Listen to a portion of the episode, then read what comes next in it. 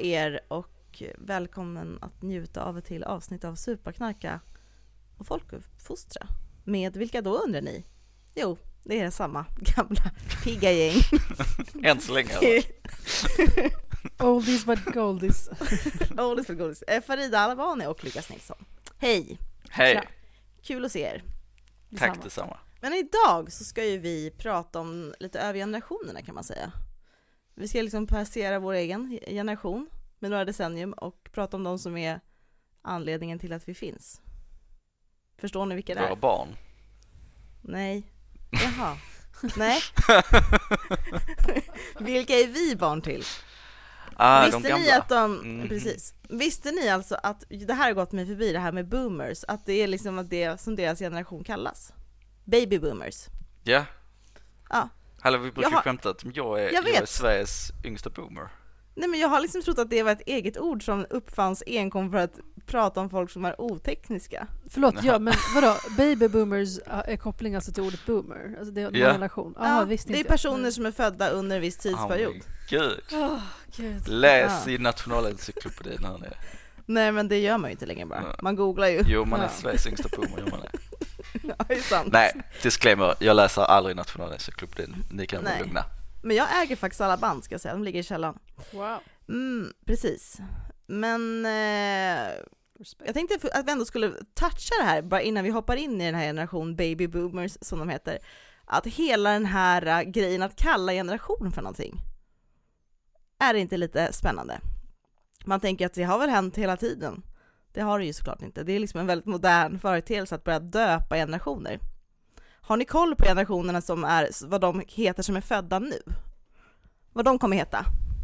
Men nu är det väl zoomers som är Nej. generationen? Nej, eller är det generationen som är typ... Nej, generation teams. Jag skojar bara. Ja.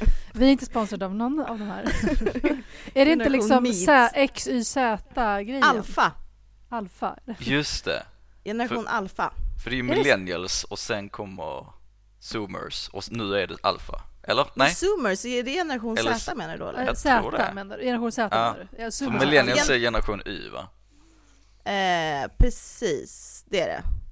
Det är också så himla förvirrande eftersom det, så här, det finns en amerikansk kategorisering och sen så finns det så här svensk kategorisering och de Nej, men går inte, alltså, Så Nej, jag men- tror att det är lite direkt översatt nu för tiden att det typ är. Men ska jag säga så här, ska jag börja i fel ände så ni får också lära er, ni får bildas i det här? ja, Ja, skönt. jättegärna. Tack. Eh, det här slog igenom liksom i slutet på 1800-talet. Som mycket annat. Nej men då var det ju en generation som kallas för the lost generation. Mhm. Eh, hall- håller på tydligen, det här är, ju- misstänker man ju då den amerikanska varianten. Mm. Eh, och sen så kommer liksom the, the greatest generation som håller på där 1900-1927. Att de alltså som liksom- ska kriga och ha sig. Ja, och som kanske är med om någon form av eh, samhälls, språng i samhällsutvecklingen. Just det. Just. Eh, sen kommer en intressant tycker jag. De som, in, alltså de som, eh, vad säger man då, är föräldrar till baby boomers. Det kanske de för sig inte är. på hur Är inte det barn. greatest generation? Det är the silent generation. Aha. Mm. Liksom de som är mellan 28 och 45, alltså fram till krigsslutet där. Mm. Men sen kommer ju då de här boomerserna som ingen kände till att det var därför de hette boomers. Men det är baby boomers som är liksom födda efterkrigsbarnen som vill förändra världen. Eh, det är väl det som är typ generation Kerstin i Sverige, tänker jag. Mhm. Är det du? Nej men de heter väl det, Jaha. typ Kerstin. Det är kanske du som är Sveriges yngsta boomer. Ja Trots allt. Ja Sveriges yngsta Kerstin. Blott 39 år snart. Mm. Eh, men sen tycker jag, för jag har ju trott att jag har tillhört, tillhört den här ironiska generationen. Ja, är det Eh, alltså generation? generation X. Ja. Men enligt siffror då, statistiken, så tar den generationen slut 1980. Alltså det är den som följer Mhm. baby boomers, 65 till 80. Nu Eh, pratar vi födelsetal här. Alltså när Ja, man nu är vi född. för- ja. mm, Ja, mm, precis. mm. eh, liksom Jenny, generationen eller vad man ska säga, Erik. Eh, men att de liksom är födda, men det känns som att ja, en information om det här gänget skulle vara att det här är liksom en övergångsgeneration som har växt upp där tiderna hela tiden förändras snarare än att någonting är består. Men det tänker jag är ju en, ett signum för ganska många generationer, Mm. eller? Ja, att förändras. hela grejen, ja. Det är väl då, så, på så sätt man har liksom försökt forma in människor i samma generation, samma fack. Att försöka så här, ni tillhör den här tiden. Men hörni, alla vi är i alla fall generation Z. Som är... Är det millennials? Nej? Eller jo. generation Eller Y Y. blir är väl... ju. Y blir ju, generation blev Y. Y. Ja. Ja. Men precis, Mm. sa sammanhanget med hela det här, det slutar i alla fall med generation alfa, är ju liksom att det känns väldigt jag, eller skumt, att hålla på att dela upp generationer på det här sättet. Också att det är en modern företeelse får mig att dra öronen bakåt. Jag vet inte hur ni tänker. Man bara, är det här liksom en så här, finns det ekonomiska intressen bakom att liksom förnya sig? Förstår ni vad jag menar? Mm. Alltså så här, handlar det om egentligen om bara konsumtionsmönster eller att vi ska identifiera oss med liksom, jag vet inte, det finns något främjande i den här uppdelningen av generationer. Men Jag tänker också att Ja men om man tittar på den här amerikanska uppdelningen så är ju den är ju mer så här godtycklig utifrån var man sätter parametrarna utan det är så här, eh, ja men nu vet jag inte exakt vad parametrarna säger men säg är så här, ni som är födda mellan 85 och 96 typ, ni är millennials typ kallar de. Och sen säger jaha okej varför är det 85 till 96? Ja okej då är det någon som har liksom tänkt att eh, det där är en bra kategorisering för att då kapslar det in vissa speciella händelser. Men i Sverige har vi också den här traditionen att prata om så här 60-talister, 70-talister, 80-talister, 90-talister. Alltså så att Mm, mm. då- är det så här tydliga decenniesjok istället. Mm. Vilket gör att liksom, ja det är klart att så här, buntar du ihop människor under en viss period så, får, så är det ju viss, liksom vissa likheter i den perioden som man har växt upp ungefär samtidigt. Men just det att liksom den svenska kategoriseringen och den amerikanska kat- kategoriseringen inte går hand i hand utan är så här olika i var man drar skärpunkterna och därför olika definiera vad, vad som präglar de här generationerna för att Mm. man har liksom knökat in i olika delar av det i de olika kategoriseringarna gör ju också att det, ja, det blir, det blir väldigt, eh, Det blir fel. ja det blir lite som stjärntecken liksom. Men måste man inte dra en gräns? Man måste väl dra en gräns någonstans och bara säga nej men nu, det händer väl också dels, jag vet inte fan varför det ens kallas också för millennials, alltså om det var också typ att för oss där, för dem, för om vi nu är millennials, vilket jag tror, liksom och så här generation Y, så, eh, så var ju också vi, jag menar, eh, bara millennieskiftet var ju en stor grej för oss. och eh, alltså hela teknikbubblan där med IT, hur vi liksom, alltså vi är de som ändå kanske ja, men lärde oss det, alltså vad ska man säga, ja, men fick det lite, inte modersmjölken, men förstår ni vad jag menar? Liksom att det ändå var nytt och, och, och fräscht för oss. Och sen så kanske de som kommer efter har ju det ännu mer. Liksom. Jag hörde någon som sa igår på, i någon video, där någon, någon person sa så här, alltså tänk om man skulle kunna ha typ en telefon hemma, fast som typ hela familjen kunde dela på. Fan vad skönt det hade varit om man bara hade typ en mobil hemma som folk kunde ringa till. Till våran familj. Alltså jag bara... Då förstår man ju att det här är ingen millennial. Det här, den här personen lite senare. Det är generation alfa. Den har verkligen missat en del, en del saker. Liksom. Ehm, så vem är det som bestämmer det här? Det måste väl vara presidenten i USA som har årlig överläggelse. Hur gör vi nu då nästa gång? Vart drar vi liksom. strecket? Ja. Ja, men det finns ju, man är ju normkritisk va? Nej men det känns ju jobbigt att klumpa ihop personer och ge dem eh, kvaliteter tycker jag. Det är inte någonting som jag går igång på uppenbarligen, så har jag ändå gått igång på det eftersom jag har försökt skriva upp någon lista som inte ens gick att förstå. Men eh, eh, det finns eh, anledning att vara kritisk så att säga. Hörni, vi ska ju i alla fall prata om de här babyboomerserna, den här nya gruppen. Alltså de som är typ kring runt 65, men också ganska mycket yngre och lite äldre. Mm. Eh, och de, eh, ställer, de kanske inte ställer till det, men de ställer till med nya siffror Mm. i alkoholstatistiken. Som vi ändå ska, det är vår ingång i det här. Och vad präglas då den här gruppen av? Jo, eh, de verkar dricka ungefär lika hög grad som den övriga befolkningen. Men de dricker oftare än befolkningen i stort. De dricker framförallt vin. Eh, och det här med att de eh, liksom har tagit med sig sitt drickande upp i ålderdomen som gör att när man ser statistiken kanske man kan tro att, eller man tänker 65-åringar dricker allt mer, så det betyder det liksom inte att de som var hänger ni med? Det betyder inte att de har tagit med sitt drickande in i 65-årsåldern snarare än att ha ökat sitt drickande, utan de ligger på sin egna nivå hela tiden. Gruppen Mm, när de 65 plus är inte statisk, den fylls på med nya människor. Va? Ja, det, det, det är så ålderdomen fungerar Farida. Du kommer sen märka att du själv är där en dag. Men de här dricker också mer utspritt över tid. Eh, och inte lika mycket intensivkonsumenter, kan man väl säga. Även om det har blivit mer vanligare. Eh, ja, precis. Jag har ju gjort lite mer research. Jag har ju pratat med, känner ni några äldre förresten? Själva? Känner ni några baby boomers? Mina föräldrar. Jag Träffar ni känner, på? jag känner ett par. Du känner ett par? Mm. Ja, så det är liksom, man vill ändå, vi kan ju inte prata om saker som vi liksom inte har mött. Vi har ju Så tolkningsföreträde. det har vi Ja, täckt upp. det, det, det är sjukt lite tolkningsföreträde i, det här, i den här gruppen. Men vi ska göra vårt bästa. Vi har i alla fall Ja, beröring. Ja men jag har kommit ur en Jag har träffat en äldre person, därför kan jag uttala mig. Ja, och de är så härliga tycker jag. Positiva. Men den här gruppen är en stor grupp. Det är typ 20% av befolkningen som är den här gruppen. Det är liksom ingen betydande grupp. Li- det är ingen liten betydande grupp. De är ungefär 2,1 miljoner personer i Sverige. Men varför är då här det här intressant?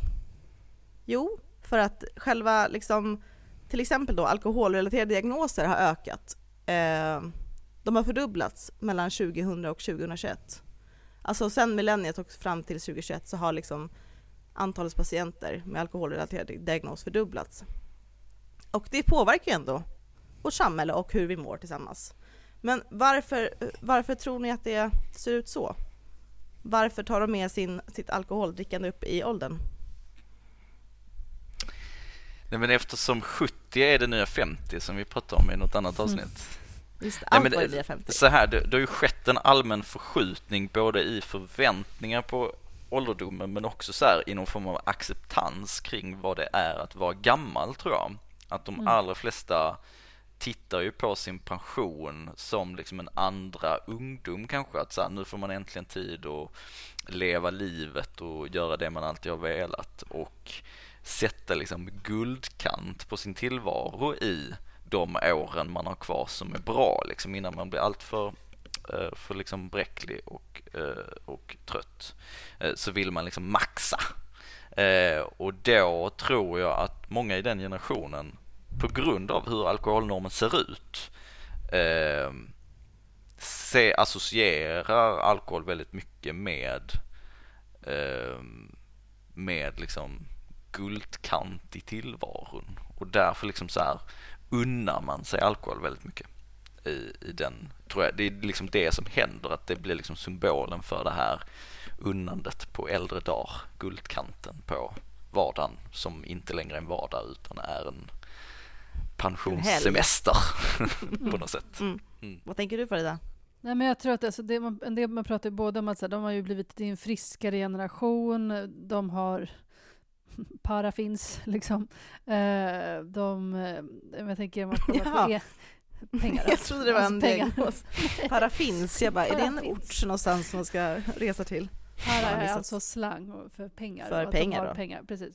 Ehm, innan liksom, alla är ju nu väldigt rädda för att det, de inte ska ha någon pension, men att den här Mm. generationen har ändå liksom lyckats. Den har pension. Den har pension, de har ganska bra pension, en del av dem.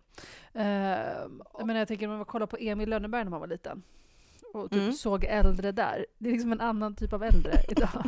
Alltså som så här, lever i fattighus och så här, det är verkligen riktigt knapert och så här, lever liksom i sid, sidkanten av samhället eller vad man ska säga, inte liksom centrala riktigt. Ehm, de är liksom inte gummor på gården. nej men exakt. Så där, där har det väl ändrats. Och sen har det också utifrån kvinnors alkoholdrickande, alltså acceptansen kring det är ju också något helt, något helt annat. Alltså att kvinnor eh, eh, dricker ju mer alkohol. Eh, eller att det är okej för äldre damer att dricka till skillnad från att dricka alkohol till skillnad från vad det var förr. Och det är ett problem också. Ehm, och sen finns det de som också dricker mindre vet man ju också när de blir pensionärer och sådana saker. Så det är inte alla som, som ökar sin konsumtion liksom, men man ser ju de här tendenserna som du pratar om. Nej, och det, jag tänker just det där med kvinnor är superintressant för att det, alltså när bag-in-boxen kom för, vad är det, 20 år sedan ungefär. Eh, då pratade man ju väldigt mycket om liksom bag-in-box-generationen av att helt plötsligt så började man se eh, alkoholproblem utvecklas i en grupp som absolut funnits tidigare men som varit ganska, eller väldigt underrepresenterad tidigare, det vill säga medelålders kvinnor. Att de började utveckla alkoholproblem för att bag-in-box liksom produkten gjorde att vinet som kanske mer associeras till liksom det här, eh, nej men bilden kring vindrickandet är ju att så här, det är någonting som är Ja men det är guldkant i tillvaron, det är lite då och då, det är väldigt måttfullt, man dricker för att det är gott, det är liksom inte Det är inte hård sprit liksom, eller mm. öl som man liksom kläcker uh, fyra på en timme liksom, utan mm. det det är inte så grovt. Det är inte så grovt, det är inte så det uppfattas. Mm. Och sen så kom bag-in-boxen och då började liksom folk unna sig oftare och med högre eh, intensitet och frekvens och allt sånt där. Och så eh, blev det liksom en generation av framförallt kvinnor då, till skillnad från hur det var tidigare, som drack mer och oftare. Eh, och det är ju den generationen som för 20 år sedan var där i medelåldern som nu är liksom eh, börjar komma upp i seniorålder så att säga. Och, så, och då tar de ju naturligtvis med sig den liksom bag-in-box-kulturen, bag-in-box-vanan, den, de mönstren som, som utvecklades då för, för två decennier sedan ungefär, in i ålderdomen också. Men jag tänker på att det här är liksom också ännu äldre än så. Jag tänker också marknadsföringsmässigt, eh, vårt eh, älskade tema. Liksom, det här är ju, har, har ju hållit på liksom, på samma sätt som, som tobaksindustrin har försökt locka in kvinnor i, i rökandet så, så har man ju också gjort det från alkoholindustrin och liksom verkligen försökt göra det här till en kvinnlig vara.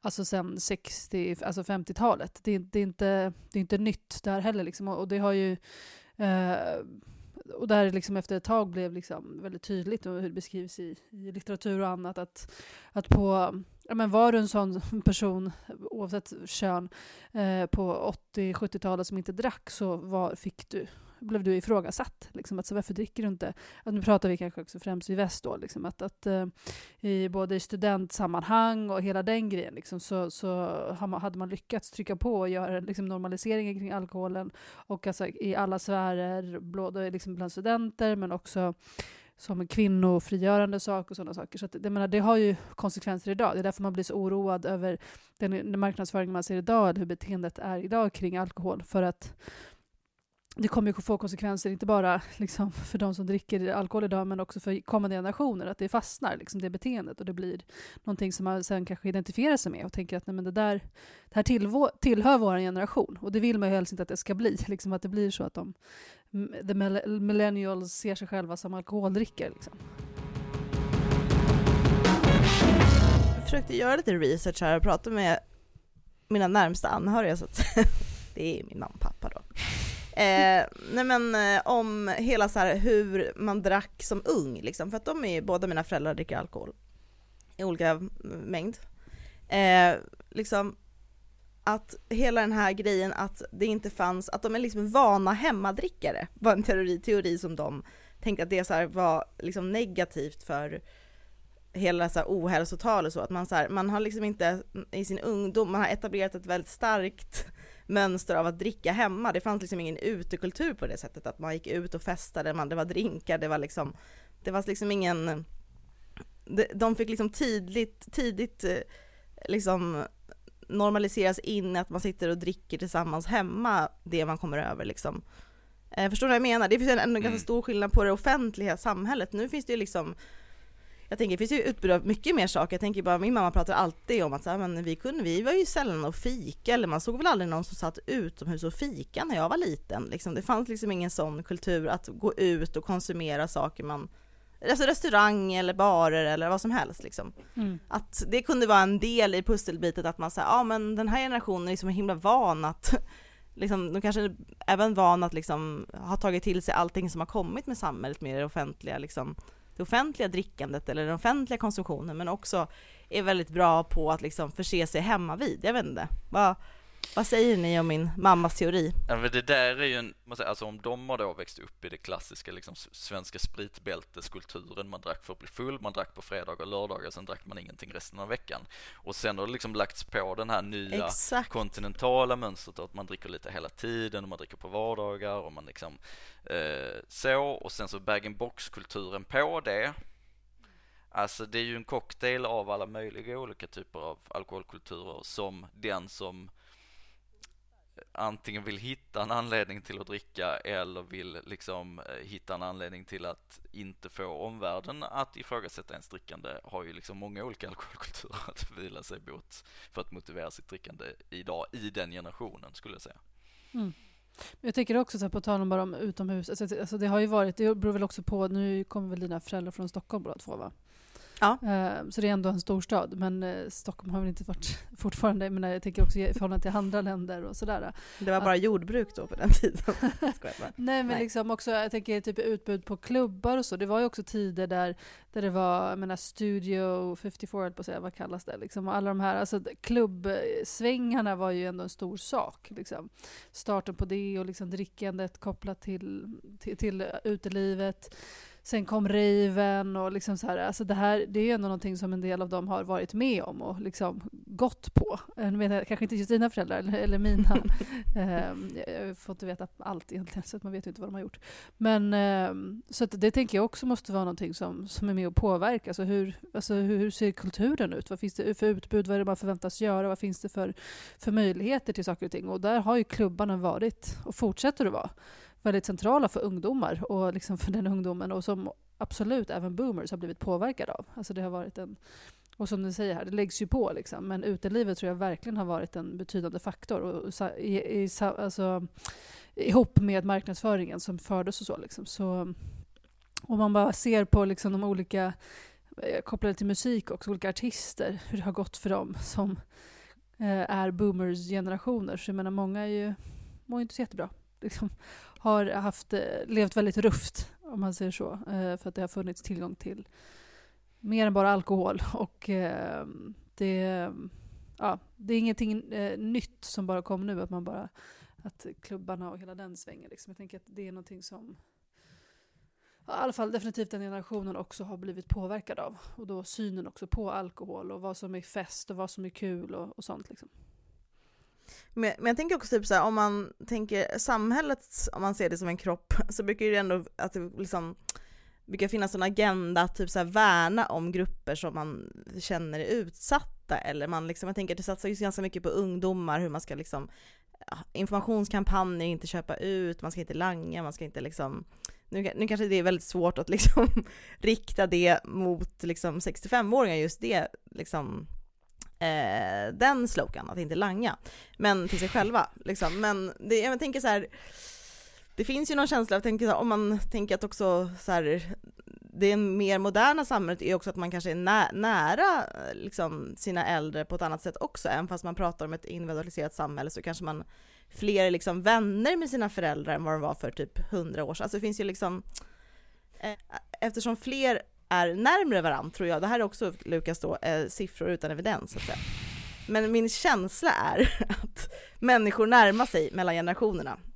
Eh, och eh, då också tänker jag fler som kommer drabbas av att då den här gruppen får större problem med alkohol eller får mm. eh, liksom eh, någon form av alkoholrelaterad diagnos. Alltså det kommer drabba barn, det kommer drabba barnbarn, vänner, alltså på ett annat sätt än om man var mer isolerad förut kanske, eller faktiskt knopsades av från samhället för att man blev pensionär, utan man liksom de, det är ju fler och fler i samhället som också deltar i umgänget i samhället. Eh, finns det liksom inte en känsla av att bara, hur svarar samhället mot det här? Hur, hur, hur plockar vi upp den här frågan till det offentliga samtalet? Eller vad, när kommer ett t-shirt-tryck anpassat mot liksom en sån generation som väldigt många står väldigt nära? Liksom? Vad, vad, Ser ni några sådana tecken? För många av kampanjerna kanske som historiskt liksom, folkhälsomässigt är ju oftast riktade till unga. Liksom. Och ja. inte så mycket till äldre liksom, på det sättet. Kanske. Sen finns ju även liksom, kampanjer riktade mot äldre. Det har vi sett nu under Vid corona. Och sådär, liksom. Ja, ja, precis. Vid jul är liksom en sån ansvarsgrej liksom, som vi alla så här, kollektivt. Men du, ser du någon ja. kampanj framför dig just hur, hur alltså vem ska det rikta sig till? Vem ska det rikta sig till? De, typ de anhöriga eller den personen själv? Och... Men jag tänker att så här, i och för sig kan man väl se alla, alla liksom, det finns ju ganska starka informationskampanjer om hur man så här, ska våga fråga ifall någon har problem eller ifall man ska mm. möta upp ifall man ta ser tecken och sådär. Mm. Ja men ta snacket liksom, men det kanske så här finns, det finns, det finns ju ett offentligt samtal om att liksom det är jobbigt när ens föräldrar dricker och det kanske fortfarande är jobbigt att ens föräldrar dricker när man är 40. Alltså det handlar inte bara om Mm. att man är 15 eller 10 eller 12 utan det handlar även om Ja men det är, jag menar inte det som någon bub, eh, bonusbubblare men jag bara så här, det finns ju, det kanske bubblar någonstans där kring att det kan, man kommer kanske kunna prata mer om det. Eller vad tror ni? Men det, Kommer samhället svara? nej, men jag, det har ju skett en förskjutning av samhällets uppdrag skulle jag säga om vi, om vi tittar på staten, staten som liksom det offentliga snarare. Att det blir mindre och mindre legitimt för det offentliga att liksom inom citationstecken lägga sig i vad folk Ja, gör. Informera. Inform- Ja, ja, nej, men till och med informera Mm. anses ju som Mm. liksom o, olegitim statlig inblandning på något sätt. Liksom. Mm. Och det är extra känsligt när man riktar sig mot vuxna. Och det är ju därför Riktiga som... vuxna liksom. Ja, precis. Mm. Och det är därför som jag tänker att i den mån det här görs så görs det mot unga för att dels att unga inte anses på samma sätt liksom att, att offentliga går och liksom har ett uppfostringsuppdrag mot, mot ungdomen anses inte lika Mm.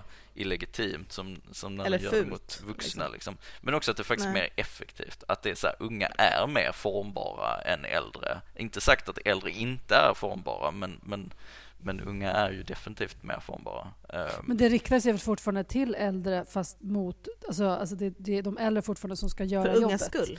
För ungas Mm. skull. Alltså så här, hur man pratar och så. Liksom. Det är väl sällan det också är direkt mot du som är ung. För att de, de kanske är liksom svårare att hitta. Liksom. Eller förstår du vad jag menar? Mm. Nej men så är det ju. Men, men sen är ju en av, av problemen som, alltså Kerstin, det du lyfter i, i det sociala sammanhanget, i min närhet så har jag ju liksom massa människor som jag bryr mig om och en del människor som kanske egentligen dricker för mycket eh, och som jag liksom Nej men om jag hade haft en vän som hade rökt väldigt mycket, då hade det varit väldigt då hade jag kanske mycket tydligare varit såhär, det här är inte bra för dig. Eh, för att konsekvensen av rökning känner vi alla till. Det är också ganska mycket tydligare att det är så här, ja, du fick lungcancer. Ja, och så kanske man liksom har haft några sådana scenarion i sitt liv. Man har haft vänner eller föräldrar eller vad det varit som har liksom fått lungcancer efter att de har rökt jättemycket liksom. Och så, och så blir det en tydlig konsekvens. Medan alkohol är ju alkoholens skadepanorama är ju liksom så mycket mer komplex och så mycket mer mångfacetterad än vad, än vad rökningens skadepanorama är. Vilket gör typ så här, nej men, till exempel min pappa, han gick bort i, i uh, uh, tjocktarmscancer. Alkohol är en riskfaktor för tjocktarmscancer. Var det på grund av alkoholen som, som min pappa dog liksom? Jag vet inte. Alltså det, det kan vara så. Det kan också vara någonting annat. Eh, så att det blir också mycket mer diffust för omgivningen liksom vad konsekvenserna för ens nära och kära blir.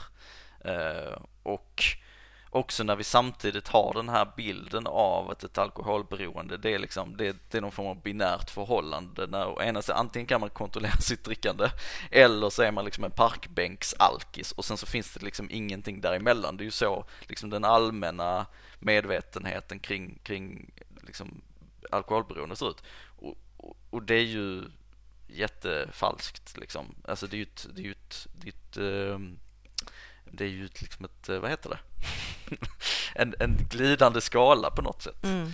Eh, Och kanske som folk har liksom- svårt att förhålla sig till tror jag. På, Men på kan så- också vara mer typ känslor involverade. Alltså det kanske inte alltid handlar om, om man tänker rökning kan ju vara störande eller lukta eller, och det finns en tydlig riktning från samhället att här håller vi på att göra insatser så det här ska liksom minimeras till minsta möjliga skadan ungefär fast Mm. typ fortsätta finnas kvar. Men liksom med alkohol kan det också finnas känslor av att bara vad jobbigt det är när min mamma dricker på julafton, även fast oavsett missbruk, bruk eller att hon gör det två gånger per år. Utan det blir jobbigt för mig i mina känslor. Alltså det är liksom, det är inte, handlar, inte om att, handlar inte om att hon stökar ner och jag behöver stö, städa liksom, och det blir mer disk eller det blir, börjar lukta hemma eller det, det blir brännmarken i parketten, utan det handlar om liksom att det, är så här, det blir jobbigt för mig, alltså är det också jobbigt för mig att uttrycka någonting. Jag tänker det också mot Alltså mina föräldrar är också vänner som man tänker så här, ja varför, alltså det här kan ju väl inte vara bra, eller mår ni bra liksom, ert alkoholkonsumtion, men det blir ju liksom, det är ju också för att jag är drabbad av det. Eller mina föräldrar är drabbade av den konsumtionen känslomässigt som det är så svårt att ta upp och prata om liksom. Snarare än att det behöver vara liksom fysiska sjukdomar som alltid är 100%, det kanske inte är det som motiverar till 100% omgivningen utan det kanske är liksom hur jobbigt det blir för psyket liksom.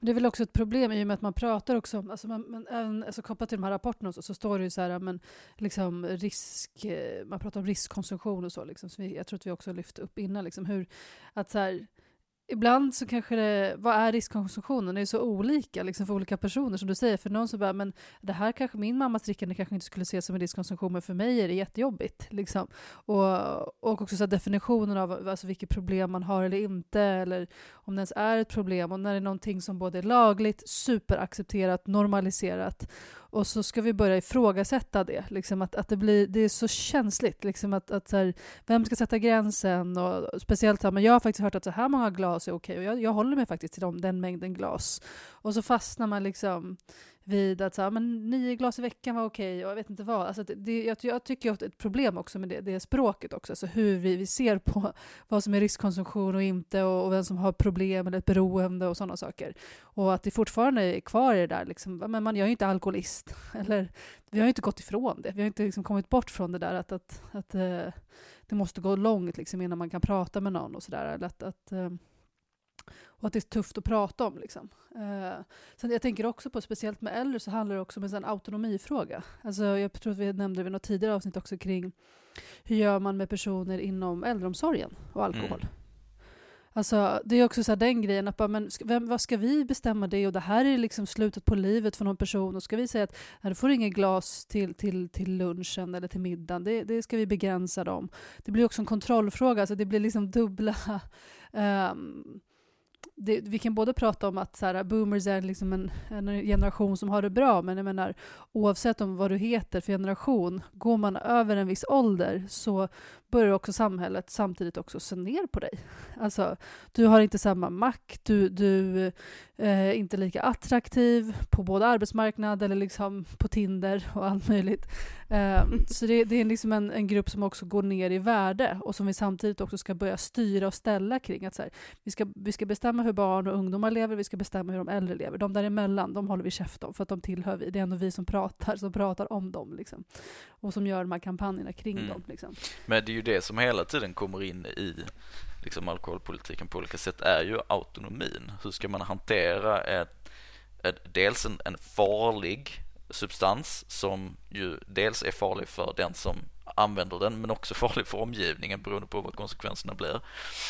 Eh, men också som är beroendeframkallande och jag tänker, jag tänker liksom jag, jag, jag, tycker att liksom vill, eh, det, det, dyker ju upp ibland i, i diskussionen så här, ska, ska alkohol finnas på, på äldreboenden till exempel? Och eh, jag, jag är inte den som liksom tycker att så här, nej det ska absolut inte finnas utan det är klart det kan få finnas ifall det finns äldre där som uppskattar det. Men det som är problematiskt där också det är ju dels att man kanske slentrian tänker att alla uppskattar det och liksom där gå in och agerar i enlighet med alkoholnormen. Och då vet jag till jag som är ordförande för en, eh, en eh, nykterhetsorganisation kan ju känna en enorm frustration ibland när vi har en medlem som är lite äldre som kanske börjar bli dement som, som inte längre har makten över sin, sin liksom omvärld och sitt liv på det sättet och som blir liksom slentrianmässigt serverad alkohol och då liksom börjar dricka i gammal ålder. För, alltså, det, är, det är ju liksom jättehemskt på så många plan tycker jag. Så, så det är ju dels den aspekten, tycker jag att det, det är viktigt. Ska man servera alkohol i den typen av miljö, då måste man göra det med förståelse för alkoholnormen. Ehm, och sen den andra faktorn att äldre inte eh, tas på allvar när det kommer till beroendesjukdomar. Tycker jag också man ser tecken på. Att så här, ja men du bor på ett äldreboende och det finns liksom ingen tanke på att den här personen kanske tidigare har ett beroende eh, eller kan utveckla ett beroende i, i, en, i en viss kontext liksom. Eh, så att jag, inte, jag tycker inte att man ska förbjuda alkohol på äldreboenden som sagt, men, men man måste ha en, en förståelse för att det är liksom inte bara det här guldkantsmedlet, liksom, utan det är, det är någonting annat. Eh, och man måste, man måste liksom behandla alkohol med respekt i brist på, på något bättre, Varsamt. liksom, varsamt och med förståelse Mm. för de normer eh, som, som kringgärdar det. Det finns ju en bild av liksom alkohol som en möjliggörare till god hälsa. Mm. Alltså förstår ni den bilden av liksom det kan ju i liksom mediala liksom rubriker framgå så här att det finns att ja, men, ett glas om dagen håller demensen i schack typ. Nej men liksom att Mm. man, alltså rena fördelar, känner ni igen att det finns ett sånt liksom narrativ ute i samhället också? Absolut. Absolut. Ja. Eh, cirkulation och demens och hjärtat och blodkärl. Eh, och jag försökte ändå slå lite på det där för att bara, men det, det går ju liksom att eh, ungefär som att man hittar allt möjligt så hittar man ju även det. Men ändå att det liksom inte är sant kanske inte kommer som en chock för er. Nej men jag tänker att allmänt så kan ju liksom man tänker så, man, man lever ju som samtid att allting det finns fördelar och nackdelar med allt ungefär. Det finns, man kan plocka upp vad som helst så kan det vridas och på i ett samtal vridas på det sättet att ja, ja men å andra sidan och ena sidan liksom. Men, men här verkar det liksom inte finnas så mycket å andra sidan heller. Att det liksom är inte jag tänker att det är ändå en intressant grej att lyfta. Att liksom, det är ju snarare tvärtom att liksom alkohol kanske är mer en möjliggörare för möjliga sjukdomar som man kan åka på. Mm. Eller liksom brustna relationer utan att liksom verka som en kampanjande. Men jag tänker bara så här, det intressanta i det är ju liksom människans önskan och längtan att hitta fördelar med produkter som man gärna vill ha nära sig liksom. Mm. Mm. Jag tycker det är så himla intressant för det är man vet man ser de här produkterna. Jag är mer då liksom målgrupp choklad. Liksom tills man läser det finstilta bara va? Mörk choklad? Gäller inte liksom mjölkchoklad? Nej men liksom jag tycker det är så himla kul liksom tanke på att vi människor hela tiden okej men choklad ska tydligen vara bra för hjärnupptaget och så liksom så, ja, men har du jämfört det med spenat liksom? Det vill man ju gärna inte göra då utan då kör man ju gärna den här lilla chokladen. Kanske, Alltså, kanske om du äter din mjölkchoklad med så här, istället för så här havssalt och sånt, så har du spenatgrejer Ja, ja. men det kan vara något nytt, produktutveckling. Marabou, Nässel. take note. Just det, Marabou nässelchokladen.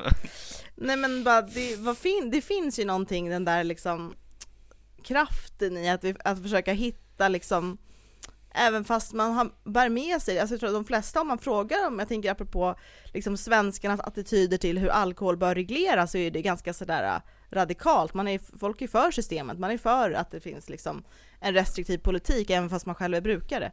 Men någonstans ändå så vore det ju lite skönt om bara, men kan det inte bara vara liksom vara bra för att jag, för, för mina fötters cirkulation liksom, även fast det kanske är bättre att typ ställa sig upp och göra två, två övningar med tårna liksom. Vad säger ni om det? Vad, vad, vet- vad jag, läser ni av våran längtan? jag, jag tycker att det, det är så fascinerande också just med alkohol för att det, alltså allting pekar, äh, man behöver inte vara läkare för att liksom förstå att när man tittar på alkoholen så här, kroppen behandlar det här som ett gift. Alltså allting i din kropp är så här, typ så här, ja din lever tar skada, vad gör levern? Hanterar gift. Eh, Du mår illa, du blir trött, du blir på, alltså det är så, allting bara skriker så här, det här är ett gift. Och sen så ska man ändå hitta så här, ja fast kolla här. Det är liksom ingen som skulle vara så här, ja ah, jag tar lite, jag mikrodoserar lite råttgift för att det är bra för blodcirkulation. Liksom. Så att det inte är några idéer i rullning här nu. Alltså Nej, nej, sluta. Det är... Torrschampot är ändå igång. Ja. Men det är... Nej, det är jag, kan ändå, jag, jag kan känna kärlek till människan när jag ändå hör sånt här. Men jag Alltså fan det är inte lätt out there. nej, men på ett sätt är det liksom också en försvarsmekanism som är så här, med tanke på hur domedagen känns allt närmare ibland, så, så, så är det skönt att man kan ändå att man kan vara snäll mot sig själv och bara "Ah, jag hittar saker för att känna att jag kommer igenom den här dagen och nu hittar jag ett argument där, jag plockar den och nu kan jag liksom ta ett djupare andetag mer än vad jag kunde för en timme sedan. Det är ju toppen på ett sätt, liksom. Ja. ifall det hjälper den. Liksom. Men det, det, man vill ju inte heller att det ska vara en lögn. Alltså det, det är väl sånt som vore synd ifall det liksom sånt florerar. Och också typ att, men jag tänker på typ, eh, det, var ju, det här var flera, flera år sedan, så var det som en sån nyhet kring alkohol som gick runt, eller kring nykterister, att ja, men nykterister, de, eh, det är vanligt att nykterister är, eh, har neuropsykiatriska sjukdomar. Liksom. Um, och då kan man ju vissa tolka det som att så här, ah, tur att man inte tillhör den gruppen, vi är ju inte sådana. Typ. Alltså, att, att det går ju Alltså det går ju att vrida och vända på allt och känna att så här, men jag tillhör den friska gruppen då och jag har ett friskt beteende liksom, eller vad fan Mm. det kan vara. Liksom. Så det är inte bara utifrån så här, hälsoeffekter utan också så här, vem man, man blir kodad som, om man ses som att så här, men den singla gruppen eller de som ses som attraktiva eller, alltså, eller eh, som har ett socialt umgänge. Liksom. Ehm, och inte bara ja, men, hälsoutfallet, liksom, vilket eh, dock är intressant även i sig.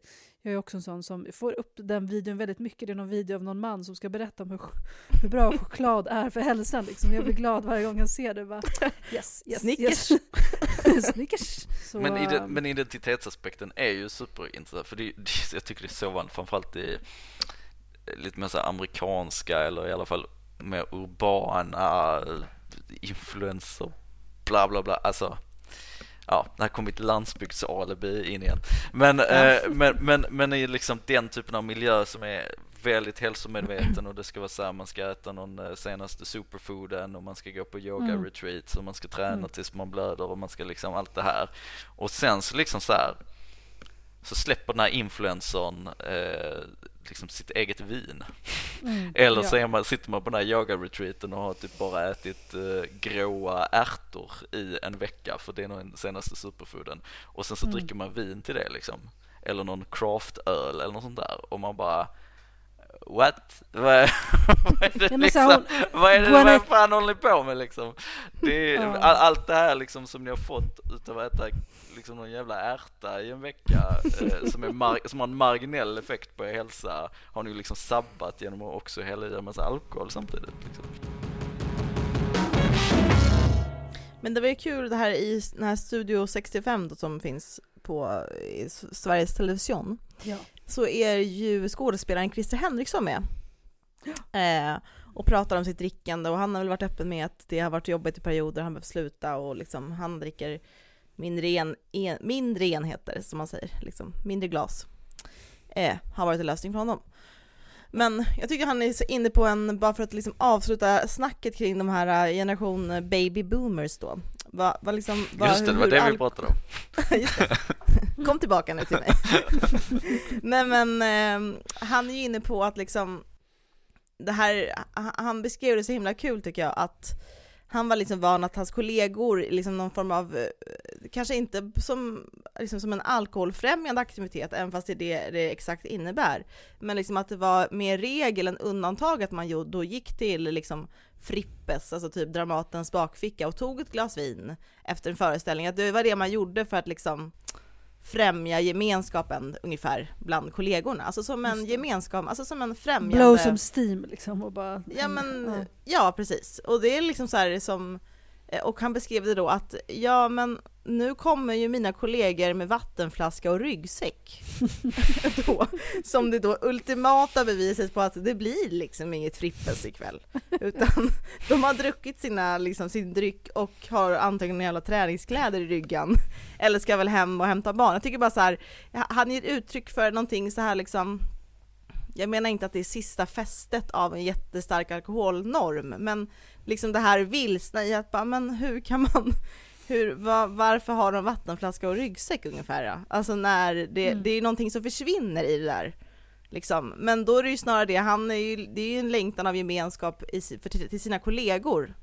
Liksom, och det kan man väl förklara på massa sätt. Det kanske finns fler kvinnor på jobbet som kanske har ett liv utanför teatern. Jag vet inte. Det manliga geniet kanske är hotat för att det finns också andra genier som inte har samma livsstil som det klassiska manliga geniet, som har tid att gå till Frippes Mm. varje kväll liksom, eller på... Jag vet inte, det, det, han, eh, han framade det väldigt bra tycker jag för det här liksom hur, hur frågande man kan, han ställer sig, han, han var liksom inte frågande på ett aggressivt sätt, men han sa att det är nästan som att de inte har någonting, alltså de har tappat kulturen på något sätt, förstår ni? Att, så här, Mm. Att det liksom är så här, det är nästan liksom som ett frågetecken. Men va? vad, vad har, liksom, de har ju tappat det här, alltså någonting som vi kanske har hållit kärt liksom. Just. Eh, och det finns väl tendenser i det liksom, i statistiken på att ja, men det är inte så, så, så som det ser ut nu för tiden. De nya generationerna lever inte så som du har levt, Christer. Liksom. Mm. Eh, men det, jag tyckte han framade det väldigt bra med den här ryggsäcken och vattenflaskan. Alltså så att, att ställa sig så liksom eh, Friskus så skådisarna. lite utanför, alltså jag känner mig, det är kul att höra alkoholnormen känna sig utanför. Mm. Mm. Eh, det är sällan det manifesteras liksom, och det var väl det som jag tror jag tyckte var intressant. Och jag, jag tycker att det är ju det också som händer här. Jag ska inte säga att de yngre generationerna har släppt alkoholnormen. Eh, jag tror att den på många sätt är kanske starkare än den någonsin varit, men, men på ett annat sätt.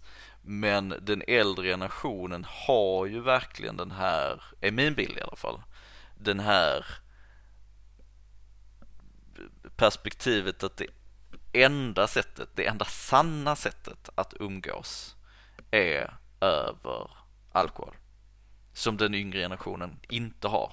Sen tror jag att den yngre generationen har andra ganska destruktiva normer som omgärdar alkohol. Men, men, men inte just den. Alltså det, det är mer accepterat att och mer accepterat och normaliserat och så här Men en tydlig är- markör liksom, jag för... är mer i liksom mindsetet i de yngre generationerna att så här, göra roliga saker utan alkohol.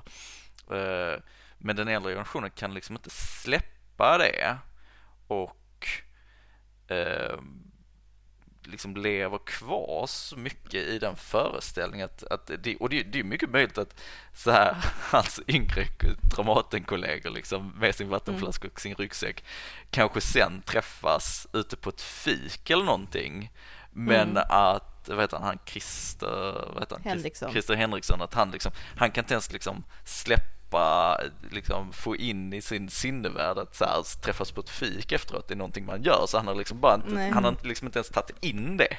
Alltså, det, jag tror det är lite det som spökar här också och det är det som är så, jag tycker att man märker, alltså just den föreställningen är så fruktansvärt stark i den generationen som är eh, runt 60-70 nu liksom. Det finns ju ett, ett fik mittemot Rish, alltså väldigt nära eh, Henrikssons Dramaten. kvarter. Ja. Som jag skulle kunna tipsa till Christer Henriksson att kunna dra till efter sina... Liksom, väldigt trevligt faktiskt. De har väldigt mycket fika. Eh, de har öppet Mhm. sent, eh, sådär, nästan som det här eh, Café 64, nej, Café 60 som det hette förut.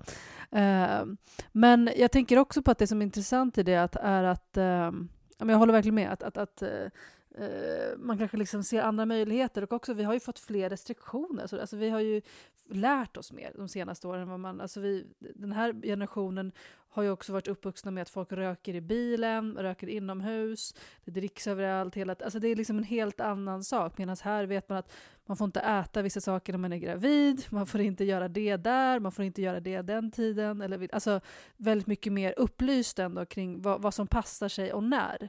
Medan den gruppen har, liksom, har inte haft samma box.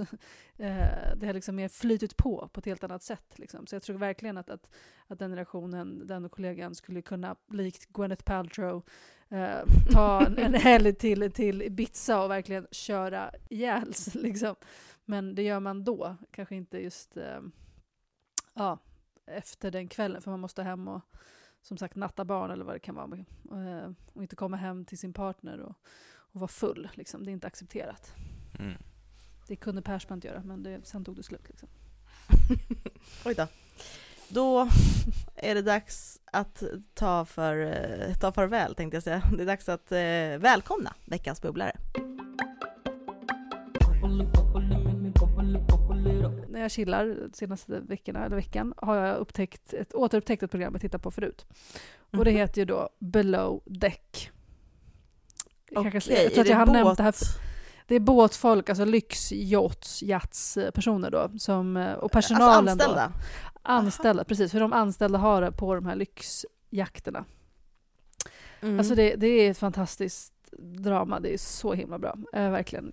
Alltså, förlåt, jag har helt missat att det här finns. Ja, Men det är, så här gam- det är riktigt gammalt nu, alltså nu är det verkligen de... eh, Det, det, ja, man ser det på deras iPhones, liksom, hur, hur gammalt det är. Liksom.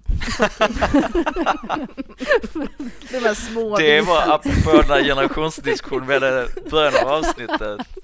Kanske det mest generation alfa du sagt. För det där.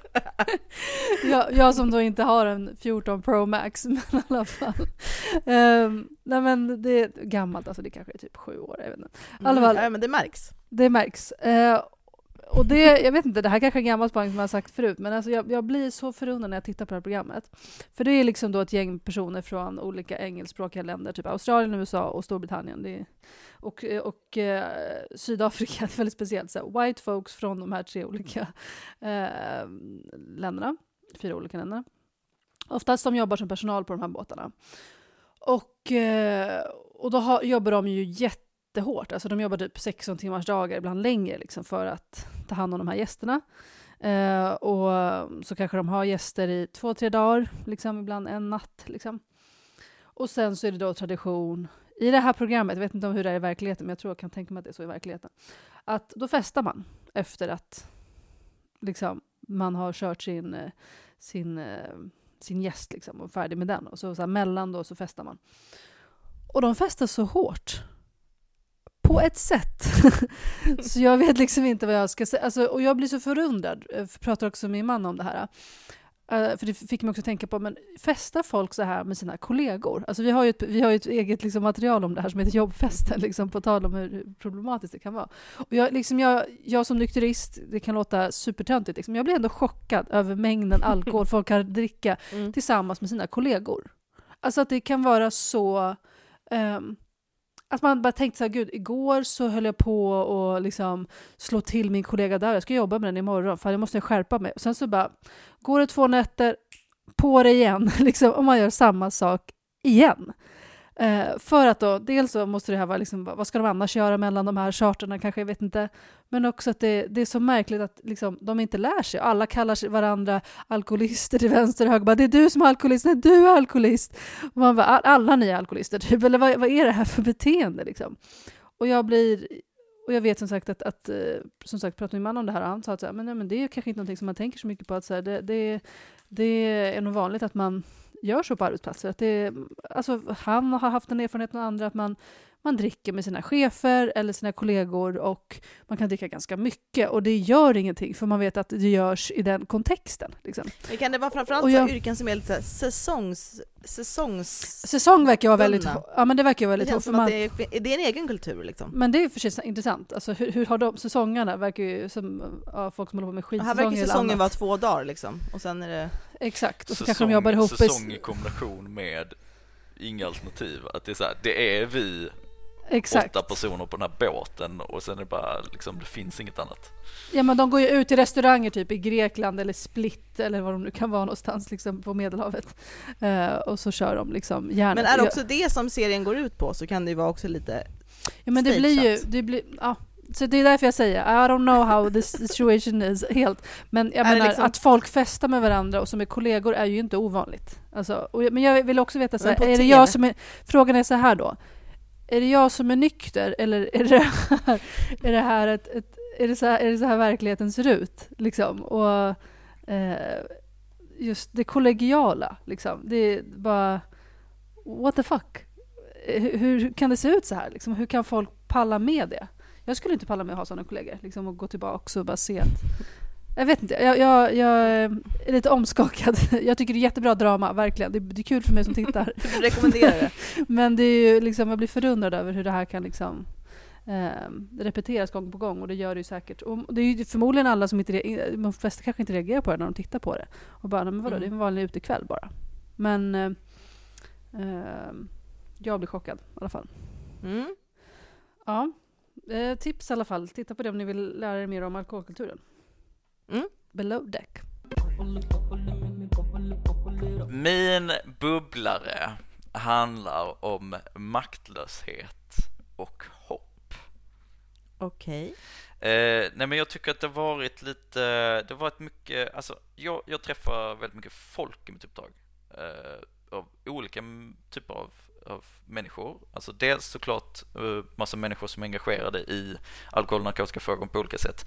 Men också bara sådana här saker som liksom föräldrar och liksom anhöriga eller liksom olika sätt där jag kommer i kontakt med människor som, som, som funderar en del.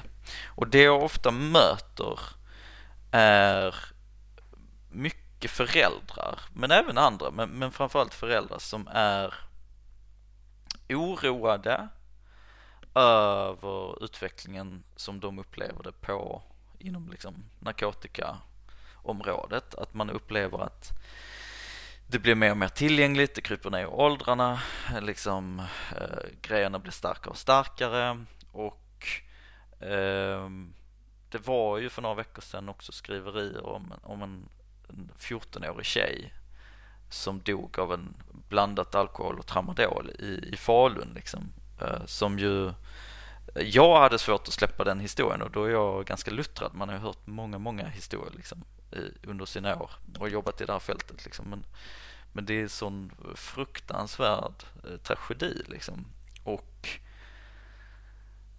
ja, men jag pratade, jag ringde runt till lite folk som jag känner i den trakten där när det hände och liksom alla beskrev liksom samma sak. Den här eh, maktlösheten. Att så här, hur fan liksom, hur, alla tycker att det här är hemskt men ingen riktigt vet, vet vad man ska göra åt det på något sätt.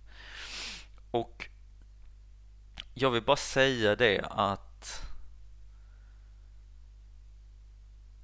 det är ju inte Eh, en naturlag att vi har den här utvecklingen. Utan det är ju ett resultat av våra ansträngningar och inte ansträngningar liksom. och, det, och, jag, och jag vill verkligen inte individualisera det för det är också så lätt att man bara säger Åh, vad var föräldrarna? och bla bla bla. Och det är inte det det handlar om utan det handlar ju om så här vad gör vi som samhälle både som medborgare men också från politiskt håll för det här? Och jag tycker att det är så jävla tydligt att så här, när man tittar på, bara tittar på siffrorna, bara tittar på resursallokeringen. Det förebyggande arbetet under de senaste åren har halverats. Och sen så är det som att liksom folk och politiker säger ja ah, det här är så hemskt, det här borde vi göra någonting åt men ingen riktigt vet vad vi ska göra något åt så då, därför bara säger vi det här är hemskt typ. Eller ibland så till och med, kanske man till och med föreslår att ah, men vi borde legalisera droger för att det löser allting. Vilket är ju löser ju inte ett skit liksom. Eh, det kommer ju bara göra allting värre. Men just det faktum att den här diskrepansen mellan situationen är hemsk och vi borde göra någonting mer och att vi de facto bara gör saker mindre just nu. Eh, det vill jag ändå skicka ut som eh, Ja, nu lät det väldigt deppigt men, men i grund och botten så, så, Mm. så är det ändå ett budskap om hopp tror jag för att, för att eh, det visar så himla tydligt att så här, nej, men det är inte skrivet i sten, det är inte naturlag, vi kan göra någonting åt det om vi faktiskt vill. Och då behöver vi faktiskt satsa på att göra någonting åt det. Satsa på förebyggande verksamhet, satsa på att eh, värdera upp det, satsa på mer föräldrakollektiv som hjälper varandra, som stöttar upp Eh, satsa på att prioritera det politiskt. Eh, det är inte rocket science. Vi vet vad som gör skillnad för människor. Eh, men det behövs, behövs lite blod, svett, tårar och pengar för att komma dit. Liksom. Så ut och kräv det av, av era politiker, skulle jag säga. Jag kommer att tänka på någonting jag lyssnade på igår, en person pratade just om, om att, så att, att vi har så låga, även de som egentligen ska bära hoppet i samhället och som ska liksom vara progressiva eller komma med idéer, alltså politiker till exempel, har, verkar ha tappat liksom deras framtidstro om att det går att göra saker och liksom även många av förslagen kanske ibland är lite för eh, för låga. Att, så att man bara, ja, men då kanske vi ska, vi ska göra den här insatsen för att övervaka eller sånt. Utan bara, men vart är förslagen för just allt det här positiva, det här som folk vill ha, eller då, alltså, som, som ska göra att vi mår bättre, eller liksom, som, som ska hjälpa till många. Att, att, att, det, att det, ja, den här personen lyfte upp att så här, jag, jag saknar, jag saknar personer med ansvar som också samtidigt har framtidstro och kan komma med, eh, med bra förslag och inte bara eh, repressiva eller eh, eh Uppgivna förslag. Reaktiva förslag uh, liksom. Ja, men precis. Jag skulle nästan säga uppgivna förslag för det är ju det det är ju det legaliseringen nu eh, argumenteras utifrån. Det är ju en uppgivenhet. Så, ah, bruket finns ändå inte, bruket kommer ändå finnas så det är lika bra att vi legaliserar och, och beskattar det istället. Och man bara, ja fast nej, vi kan ju faktiskt minska efterfrågan och utbudet om vi faktiskt gör ansträngningar mot det. Just nu är det ju bara diskussion om utbudet, vilket jag också är så himla ointresserad av egentligen, för att jag tror att mm. det är efterfrågan som är den stora pucken här och det är också ja. den vi borde jobba mycket mer med och det är den vi har halverat, det vill säga det förebyggande mm. arbetet. Mm. Exakt. Ja, men bra, ni agerar på det vi själva säger så att säga. Vi vill att fler ska prata om möjligheter och ni tar chansen. Mm. Själva. Nej men så här är det va, jag eh, ramlade över en nyhet eh, om saker som trendar på TikTok. Har ni talat om det här med sludge content? Nej. Nej. Nej. Men det är liksom att det är, det är digital njutning liksom kan man säga så här, för det är liksom flera parallella videos i samma skärm.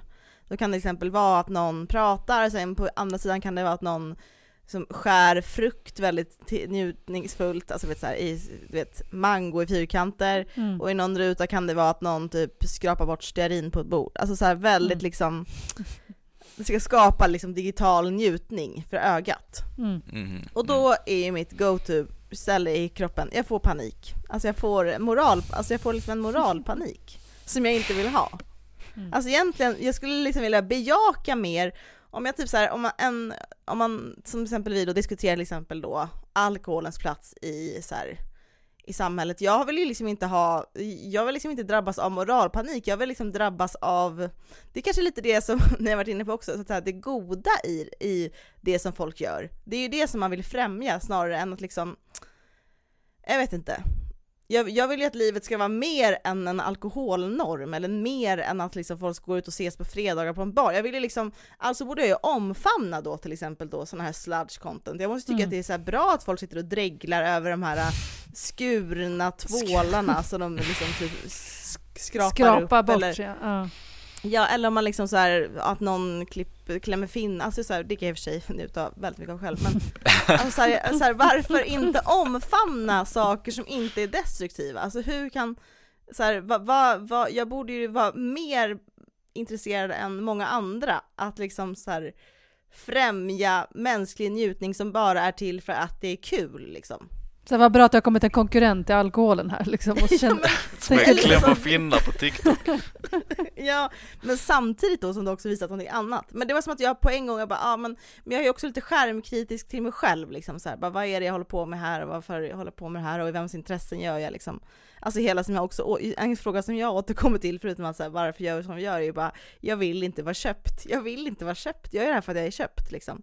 Vilken stor del av ens liv är. Man är ju liksom köpt av någon, kanske inte någon med ekonomiska intressen, men någon som, ja, man är influerad liksom på ett sätt som man kanske inte vill.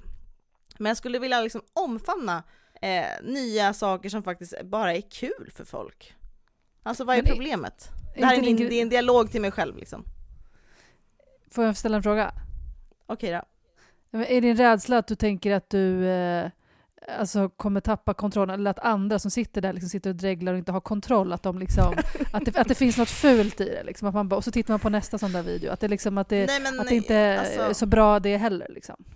Det sjuka är att jag tror att om man skulle gräva tillräckligt djupt, liksom, och om man ska göra det snabbt, om man ska gräva snabbt, så känns det som att man kommer till en punkt att det känns så här så att typ vilket, alltså mertiden av min fritid lägger jag ju på så onödiga saker som inte, de är varken produktiva, de bidrar inte till någonting, alltså det är bara kul i nuet.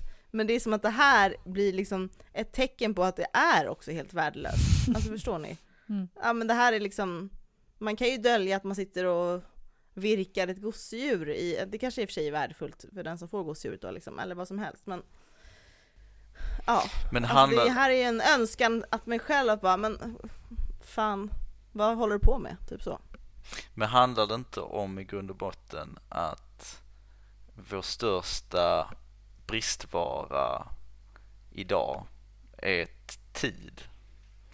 för att det liksom finns så mycket man kan lägga sin tid på. Men det vi har liksom svårast, det som är liksom minst tillgängligt att lägga sin tid på, det är meningsfullhet. Alltså det är, det är just det att de här grejerna är, de kanske är kul, men de är tomma.